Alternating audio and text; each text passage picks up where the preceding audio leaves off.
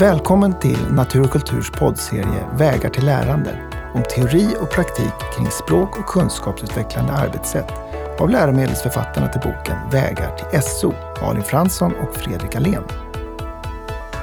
De åtta avsnitten är en del av lärarstödet till boken och vänder sig i första hand till undervisande lärare.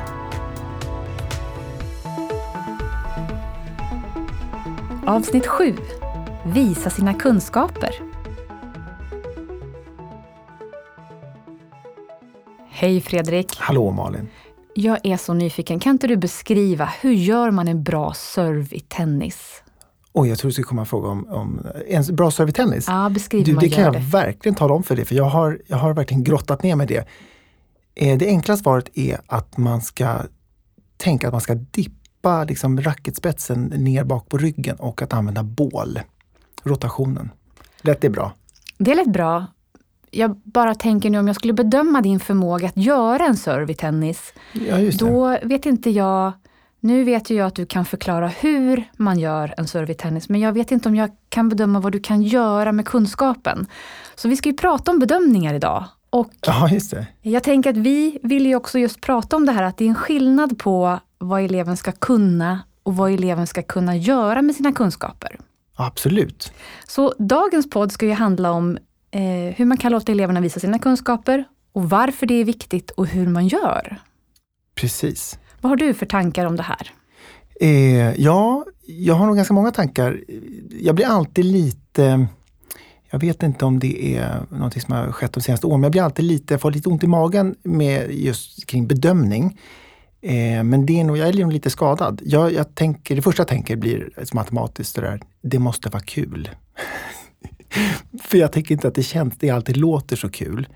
Men, men det här att få visa sina kunskaper. Eh, jag tänkte prata om det idag utifrån begreppet transfer. Är det bekant för dig? Ja, det är Ja, det. ja. Som att flytta sina kunskaper kan Ja, man säga. Mm. Och liksom, innan vi kommer dit, och så, när vi skrev det här, när vi liksom skrev Vägar till SO så pratade vi mycket om den här avslutande uppgiften och, och hur vi skulle kunna, vad det skulle kunna vara och hur den skulle kunna användas. Så tanken, så som vi pratade var ju att vi skulle knyta ihop kapitlets lärande mål och sen innehållet och stoffet och sen skulle vi hitta på en, en uppgift eller en övning där eleven ska, liksom, skulle få använda sina kunskaper i ett, i ett nytt sammanhang. Och där var vi väldigt mycket också inne på att det skulle vara kännas lustfyllt Ja, och precis. roligt, Ja, apropå men du sa inledningsvis där. Och jag Mm. tänker det du inledde med, så det handlar om att göra. Och det här begreppet transfer eh, är lite spännande. Och I internationell forskning så pratar man om transfer of learning. Och det är precis som du var inne på, det handlar om att, att man lär sig någonting i en kontext, men det här att man ska kunna flytta den till en, till en annan kontext, till en ny situation. Och många skulle ju mena att det är ju precis vad utbildning i skolan handlar om. Visst, vi, vi lär oss ju eh, specifika saker inom ett område, men, men ofta så handlar det ju om så där, vilka färdigheter och förmågor det är vi ska utveckla hos våra, våra elever så att de kan sen som vuxna. Och det här blir ju nästan så här, man skulle kunna använda såna här TED-talks eh, som eh, floskel att det här att morgondagens vuxna, liksom, ja, men jag vet, ja. du skrattar för det. så här, vad, är det de, vad är det de ska få med sig av utbildningen eller utbildningssystemet? Jo, men det kanske inte är de kommer inte stå på en och samma arbetsplats eh, och göra typ samma saker, utan de kommer förmodligen byta karriärer och uppgifter och då blir förmågan liksom att lära sig nytt, det blir centralt. Jag vet inte om du har råkat ut för sådana TED-talks? Jo, men jag har sett många TED-talks och blir oftast ganska fängslad av dem ändå, måste jag erkänna. Ja, ja, det. Ja, men det handlar, precis, det handlar väl också om att man ska kunna flytta, att, att det jag har med mig från ett yrke, om jag tänker Ja. så, det tar jag med mig in i nästa yrke och kanske Ja. vidareutveckla på något sätt. Ja, och det, det, tycker jag, det där är ett spännande. eh, Det, det, är- det är spännande att hur, hur kan vi då fostra elever som kan lära sig saker och utveckla förmågor och färdigheter och sen så kunna använda dem i nya sammanhang. Så då, då ska jag då erkänna att för några år sedan när jag eh, försökte läsa om det här med hur det går till när vi lär oss, så sprang jag på en jättespännande forskningsöversikt som jag, som jag faktiskt nu återkommer till ganska ofta med den anspråkslösa titeln How people learn. Eh, Brain, mind, experience and school. Det är en ganska svulstig Mm. Ja, How people learn. Bransford heter en av redaktörerna. Och i den, i den jättemaffiga översikten så pratas det bland annat om transfer. Och för att liksom förstå vad transfer handlar om då, så kan man säga så att till exempel så inom SO så kan man ju jobba då med det här med källkritik. Och då skulle man kunna jobba med källkritik till exempel i, i ett kapitel som vi har skrivit om, franska revolutionen. Och så ska, vi, ska man kunna tänka att man kan eh, undervisa eleverna om ja, men, vad är de källkritiska liksom, principerna och metoderna. Hur kan man värdera källor? Det är någonting som är viktigt. Och då kan man ju, man skulle kunna titta på brev kanske som någon har skrivit som, som levde under liksom, stormningen av Bastiljen. Eh, och man skulle kunna titta på artefakter eller målningar och större Eller man skulle kunna titta på en film som gjordes för några år sedan med Kirsten Dunst.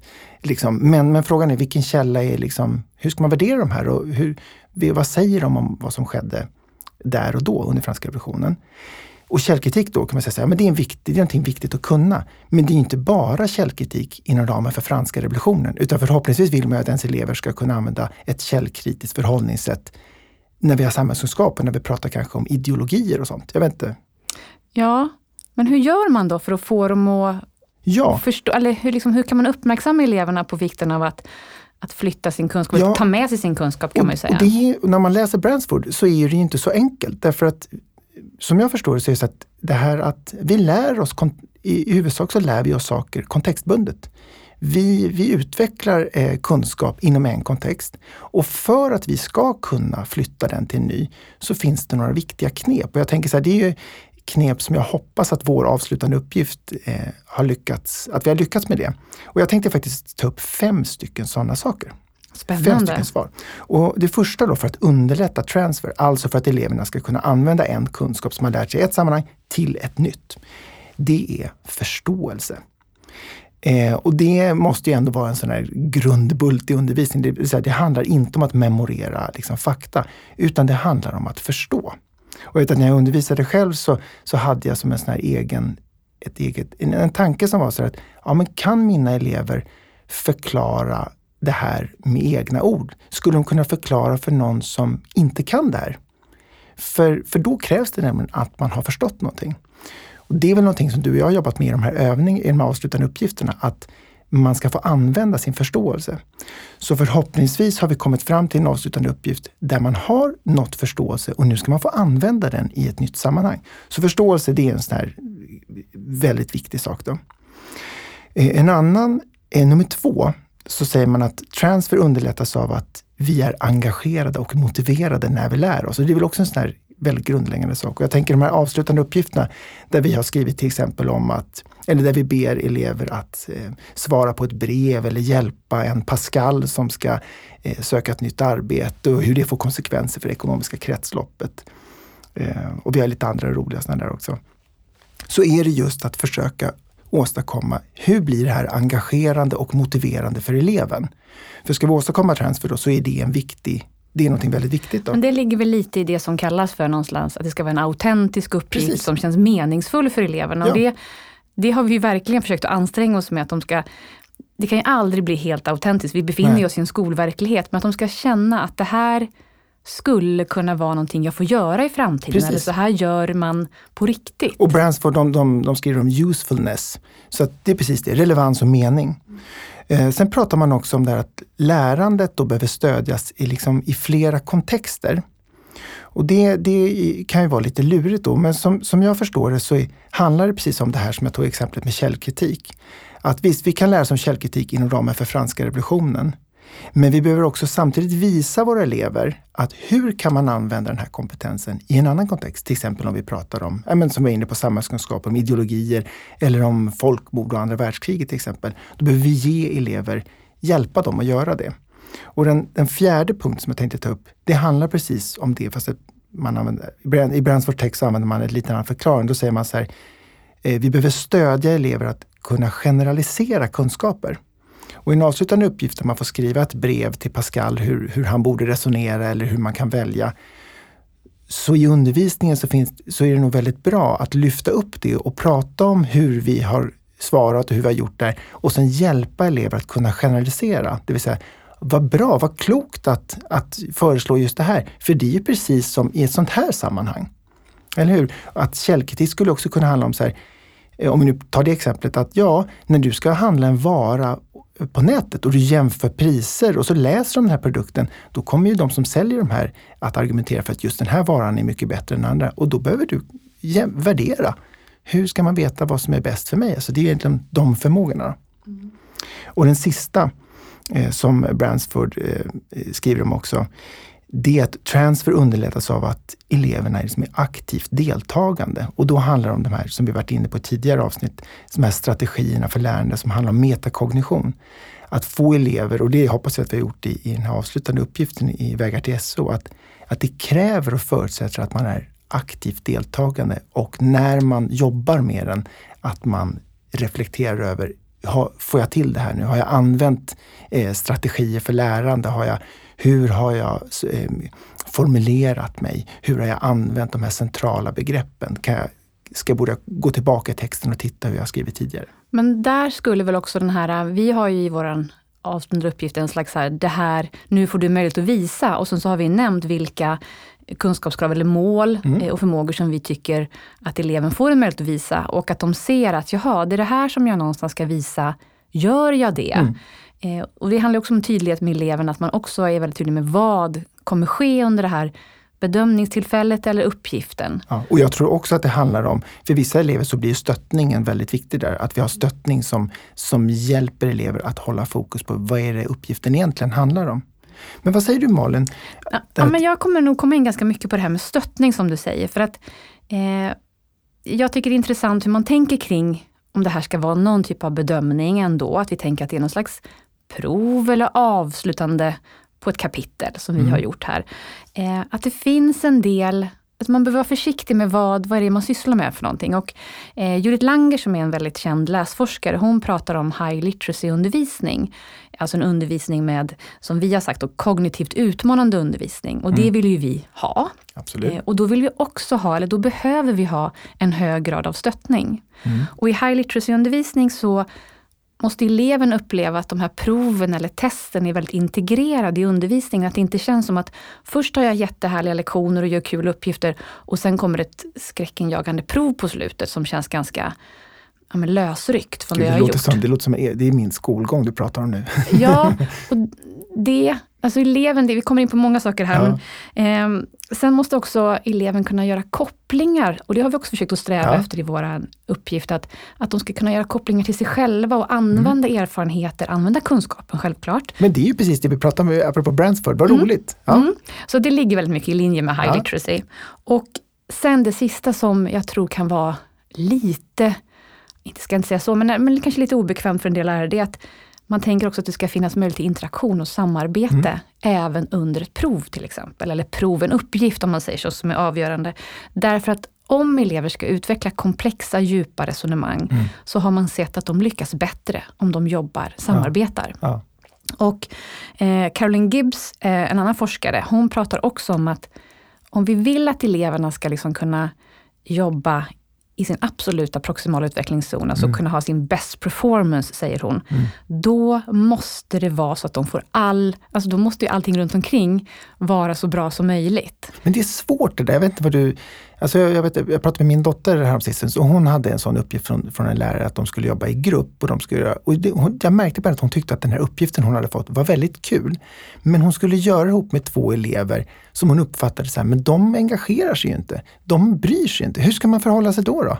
Ja, men det blir, jag hade också en sån diskussion igår med kollegor. Hur gör man kring att dels grupparbetes vara och icke vara, ja. men sen hur gör man kring bedömningen? Mm. Eh, och jag tänk, där får man nog tänka lite olika. Man kan ju till exempel, det finns något som heter progressiva tankekartor, eller progressive brainstorming. Mm. Att, att man stöttar varandra eh, ganska långt in på vägen i en uppgift. Alltså en progressiv tankekarta är att först så skriver jag vad jag till exempel vet om ekonomi och sen så skickar jag min tankekarta vidare till någon annan och så får jag någon annans och så fyller man på varandras tankekartor. Eh, och sen, då har man liksom fått stöttningen in. Men sen kanske man lämnas mer eller mindre ensam. Så att någonstans kanske eleven ändå känner att jag tar hjälp av dem runt omkring mig, men det ligger också ett ansvar på mig och jag mm. får också en chans att visa. Så att, eh, men det viktigaste som, som Gibbs säger och som Langer i High Literacy säger, det är ju ändå att, att det finns stöttning. Att man inte plötsligt säger så här, nej, men nu finns det ingen hjälp att få längre, nej. utan nu är det test och nu är det liksom skarpt läge. utan i, den bästa världen så vet ju eleven så här, det här kan jag. De har Ja. tänkt kring sitt lärande. De förstår att, aha, nu ska jag visa det här. Det vet jag innan provet att jag kan. Ja. Att inte provet blir just helt lösryckt och eh, för det, vi vill inte ha elever som sitter hemma och pluggar jätte, jättemycket fakta eller memorerar. Mm. Och sen så inser vi att men det här var ju inte vi ute efter. Vi vill ju Nej. att du ska visa den här förmågan att resonera kring källkritik. Mm. Och så har eleven memorerat massa årtal. Sen kan ju årtalen vara viktiga i resonemang Mm. också. Eh, så att det tänker jag kring det hela. Och vi, när vi skapade våra uppgifter Mm. så jobbade vi väldigt mycket med att ja, stora förmågor, resonera, det skulle vara autentiskt, de får en slags berättelse. Vi har ju saker som att de ska skapa ett aktivitetshus, eh, vara med i en tävling för kommunen, man ska satsa på ungdomar, vad ska ingå i det här huset? Om man tänker utifrån, jag tror vi hade tre delar, så här, ekologisk, social och ekonomisk Hållbarhet, hållbarhet. ja. Superspännande uppgift. Och det blir lite samma läge som din dotter beskriver. Hur går det sen med själva reliabiliteten, alltså tillförlitligheten i bedömningen? Mm. Eh, och det tycker vi lärare är lite läskigt, för det har man ju sett ibland att man har skickat in samma text till tre olika lärare så får man olika betyg till Mm. exempel. Då är det ju en låg reliabilitet, alltså låg tillförlitlighet. Eh, och det, är, det går inte att komma ifrån att när man har de här större öppna uppgifterna, då kommer reliabiliteten bli lite lägre. För att det är så komplexa saker som ska redovisas. Men det Eh. måste ju kunna påverka tänker jag, elevers motivation. Det här att anstränga sig.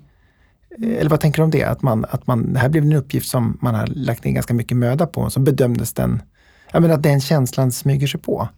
Ja, men det handlar också om, vi måste få hållbara elever som har ett hållbart Ja, lärande, så ja. vi måste också få dem att lite släppa. Jag förstår att om det är en urvalsprocess och betyg handlar om att komma in på gymnasiet och så vidare.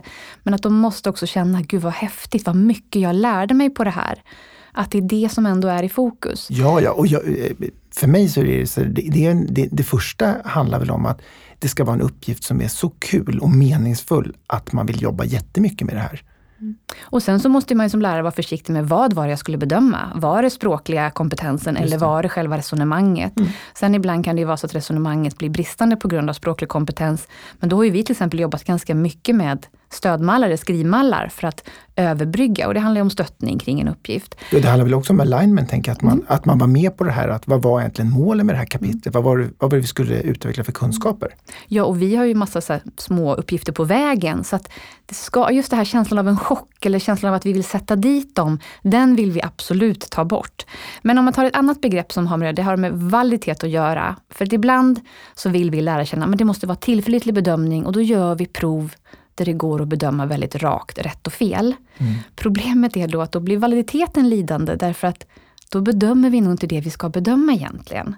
Utan då bedömer vi det som går att bedöma. Mm. Eh, så att vill vi komma åt djupa, komplexa resonemang så kommer det bli svårt med bedömningen. Mm. Mm, Den kommer bli subjektiv till viss del. Mm. Så var det om det. Eller hur? Ja. Vad ska vi prata om nästa gång? Nästa gång då ska det väl ändå handla om reflektion. Ja, vikten av att reflektera. Det blir spännande. Mm. Härligt. Hej! Hej!